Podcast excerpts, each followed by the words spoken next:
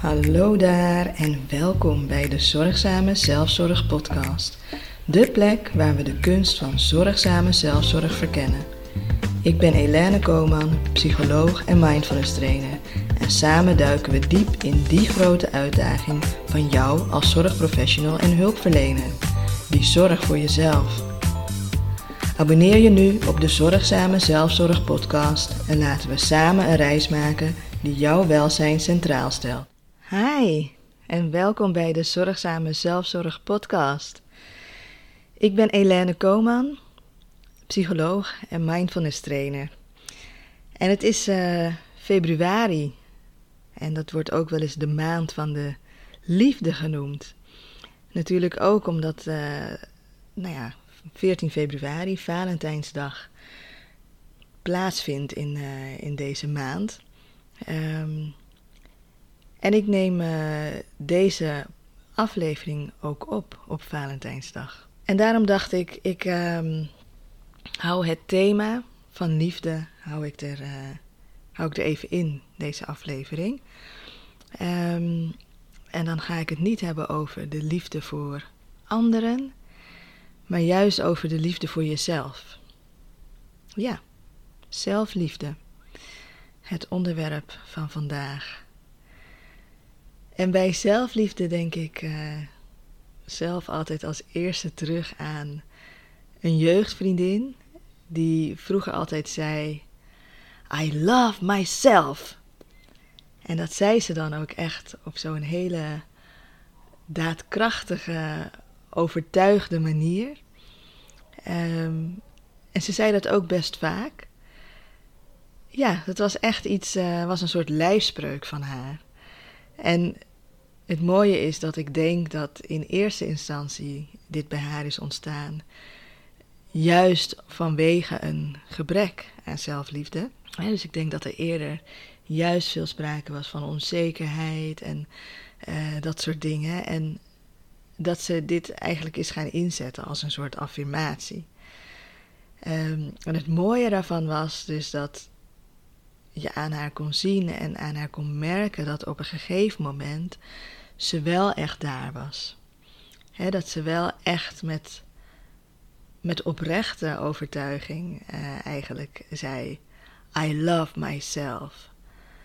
En ja, je kon dat echt zien aan, aan hoe zij zich bewoog. Um, dat ze niet meer zo bezig was met wat anderen van haar vonden of welke mening zij over haar hadden. Ze kreeg een beetje scheid aan anderen.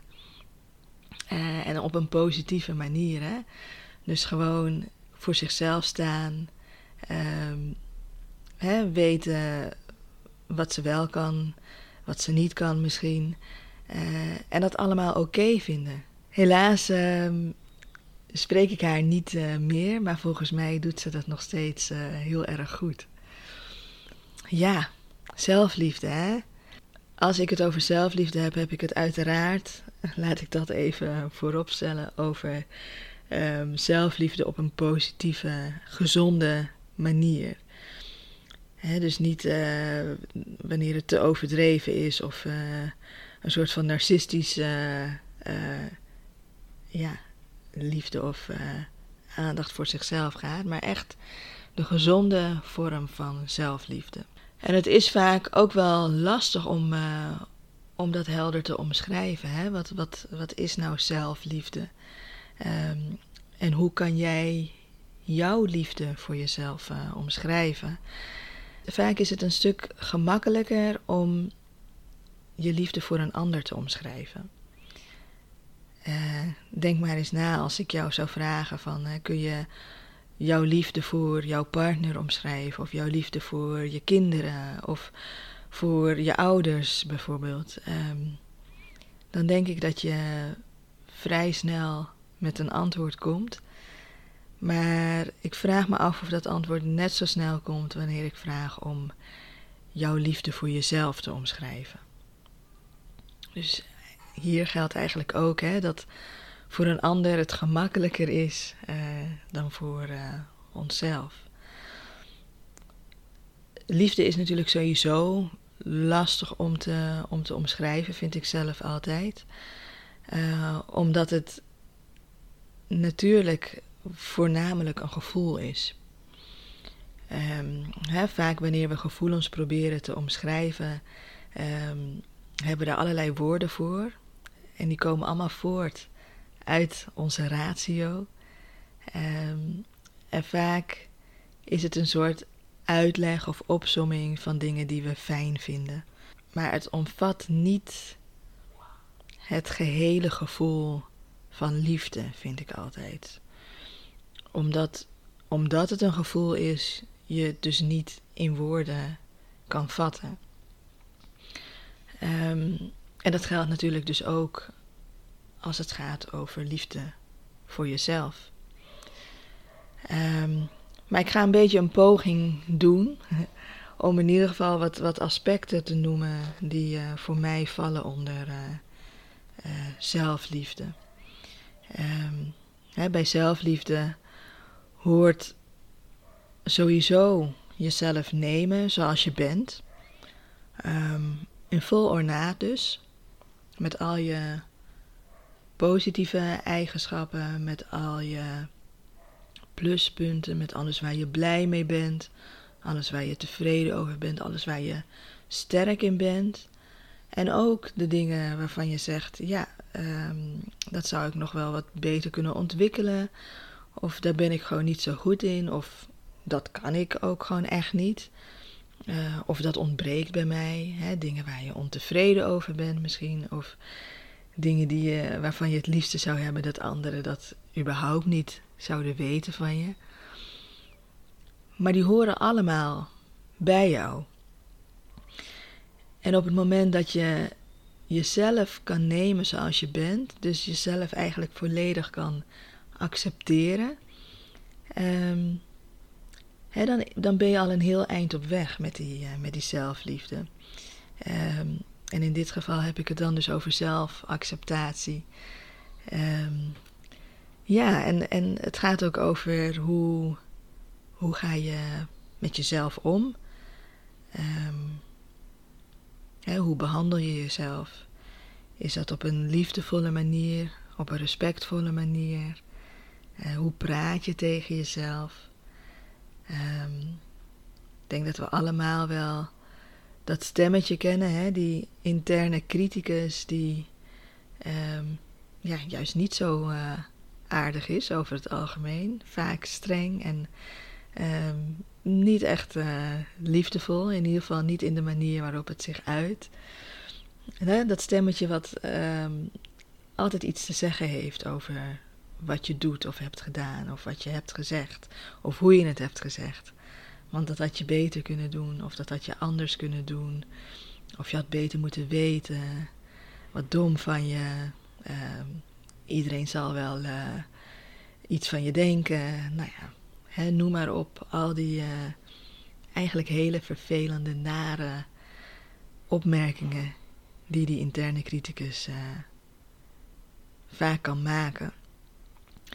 Um, totaal niet liefdevol. En natuurlijk komt het wel voort vanuit uh, liefde. Hè? Want die interne criticus probeert jou ergens voor te behoeden.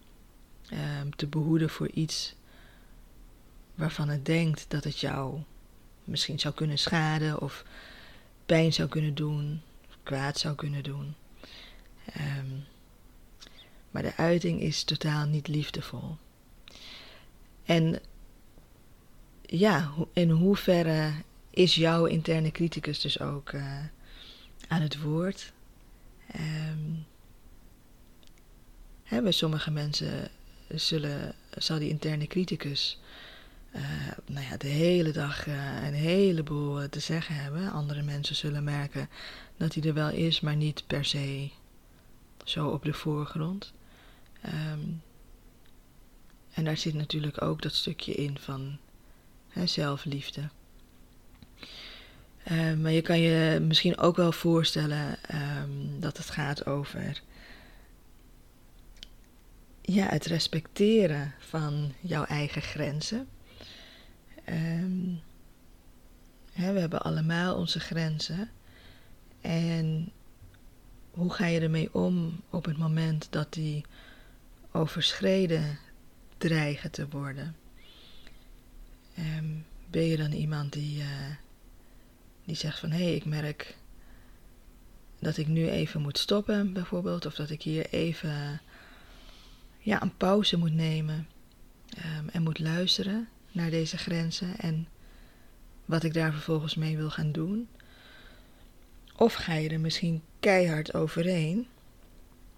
Um, en natuurlijk gebeurt dat wel eens, hè? dat gebeurt ons allemaal wel eens. Maar hoe gaat dat in het algemeen? En merk je bijvoorbeeld dat je daar misschien een patroon in hebt. Van het vaker of continu negeren van je eigen grenzen. En dus ook het niet respecteren van, uh, van die grenzen. Hè, dat is eigenlijk helemaal niks liefdevols aan, want daarmee zeg je ook een beetje van, nou, ik ben misschien niet belangrijk genoeg, of mijn grenzen zijn niet belangrijk genoeg om daar uh, ja, serieus naar uh, te luisteren. Maar misschien ken je ook wel dat je een perfectionistische inslag hebt. Um, en dat je er uh, eigenlijk altijd naar streeft om de dingen zo goed mogelijk te doen. Um, en met zo goed mogelijk bedoel ik dan dus dat je eigenlijk er steeds naar streeft om, uh, om een 10 te halen, of het liefste zelfs nog een 11. Um, terwijl een 7 of een 8 ook prima zouden zijn op momenten. Hè? Um, want als je steeds streeft naar het maximale, dan gun je jezelf dus ook niet de ruimte om een keer een moment of een dag of een periode zelfs te hebben waarin je dat misschien niet waar kan maken en waarin dat ook oké is. Um, dus ook bij het perfectionisme zal je zeker ook uh, veelvuldig die interne criticus horen. Uh, want die zal jou steeds vertellen dat als je het minder doet, uh, dat je dan misschien ook minder bent. Of hè, um, die zal er allerlei vervelende dingen over te zeggen hebben. En ik noemde het net al even, hè, als je steeds voorbij gaat aan jouw eigen grenzen, of als je steeds maar blijft streven naar, uh, naar die elf, um, ja, dan geef je jezelf eigenlijk ook een beetje de boodschap dat um, dat jij het niet waard bent om eerder dingen uh, te accepteren. Hè? Om, om ook die uh, zeven of die acht te accepteren. Of om toch te stoppen bij die grens. En dat is natuurlijk wel een dingetje. Hè? Um, ben jij wel belangrijk genoeg? Uh, schat je jezelf op waarde? En heb je ook het idee dat jij waarde te brengen hebt? dus dat gaat ook dat gaat over zelfwaarde. Uh, ik merk nu dat er uh, opeens een, best wat woorden zijn die met zelf beginnen. Zelfliefde, zelfacceptatie. Zelfwaarde, zei ik dat. Is dat een woord? Of is het meer eigenwaarde? Maar goed, je, je begrijpt wat ik bedoel. Hè, die waarde die je zelf, um, ja, hoe je zelf uh, inschat. En ook die je zelf geeft, hè, in de zin van um, hoe laat je dat zien aan jezelf? Welke waarde je hebt? Of laat je misschien juist aan jezelf zien dat je, dat je eigenlijk weinig waarde hecht aan aan jou en jouw persoon en jouw eigenschappen. Um, ja, en het respect daar dan ook in, hè? die kwam ook al eerder naar voren. Maar hè, die zelfliefde, um, ja, ik heb het daar nu over, maar soms is het ook behoorlijk lastig om, om zelfliefde te hebben.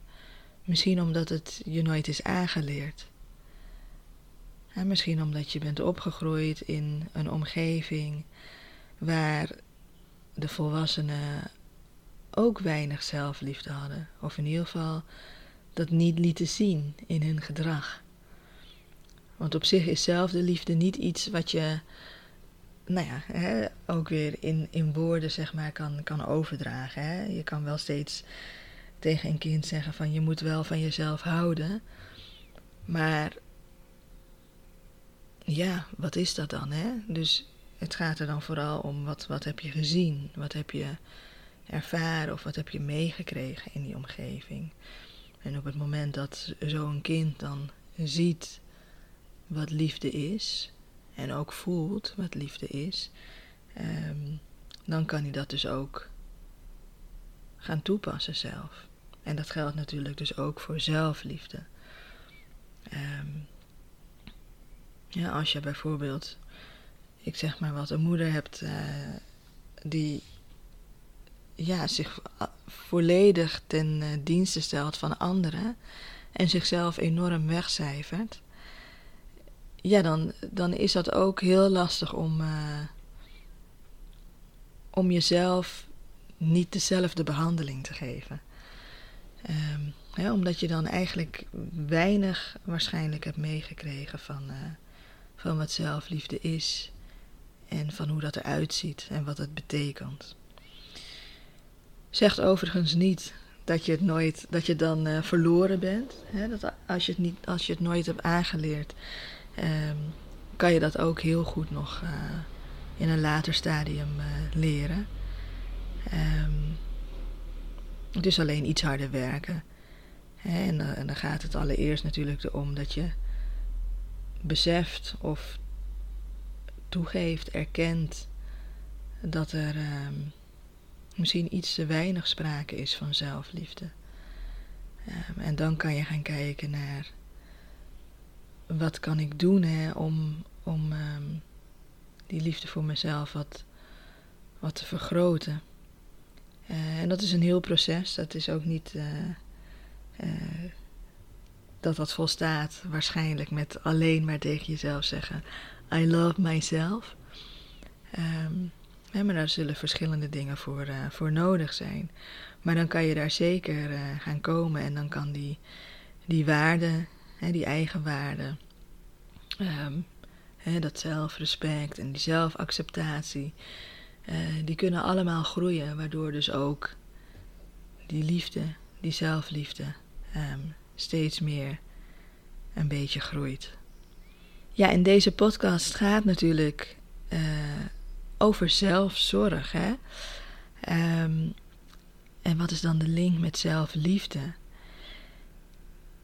Ik denk dat je pas echt aan zelfzorg gaat doen op het moment dat je genoeg van jezelf houdt. Um, want als je niet voldoende van jezelf houdt, waarom zou je dan goed voor jezelf zorgen? dus, uh, dus er is een, voor mij een hele duidelijke link tussen zelfzorg en zelfliefde.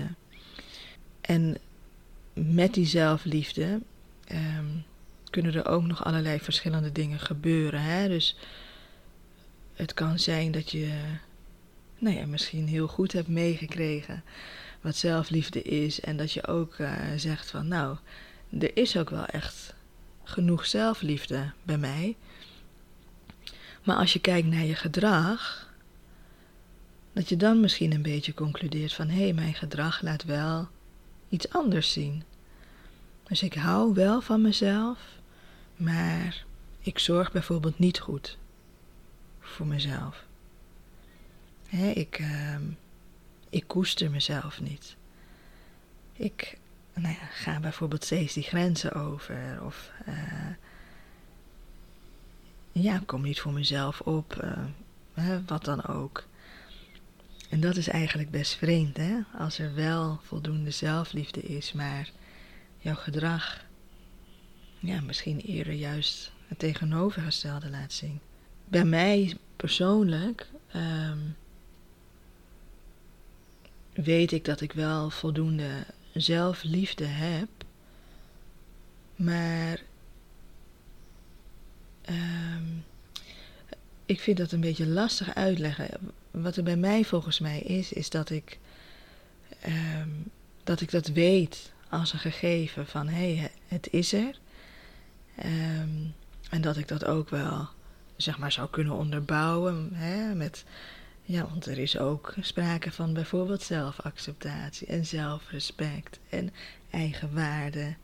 Um, maar ik vind het dan toch wel lastig om, om het echt te voelen. Dus ik weet dat het er is. Het uit zich ook in hoe ik met mezelf omga. Ehm, maar het voelen, voelen dat er liefde is voor mezelf. Ja, daarvan merk ik, ja, die, die, ehm, ik weet niet of ik dat zo goed voel. Ik weet wel dat ik het weet. en nou ja, dat, ik vind dat best, uh, best interessant, want ik zat er natuurlijk over na te denken voordat ik deze aflevering ging uh, opnemen. Van hoe zit dat bij mezelf? Um, ja, en ik kwam hier een beetje op uit.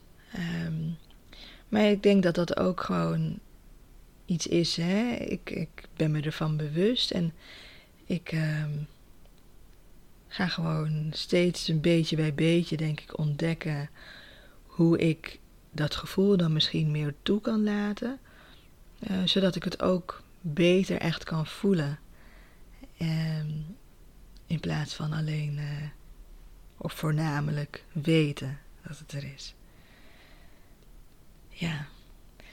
Ja, en zelfliefde is, um, ik zei eerder, hè, je, je, je doet waarschijnlijk alleen aan zelfzorg of aan echt goede zelfzorg als er sprake is van zelfliefde.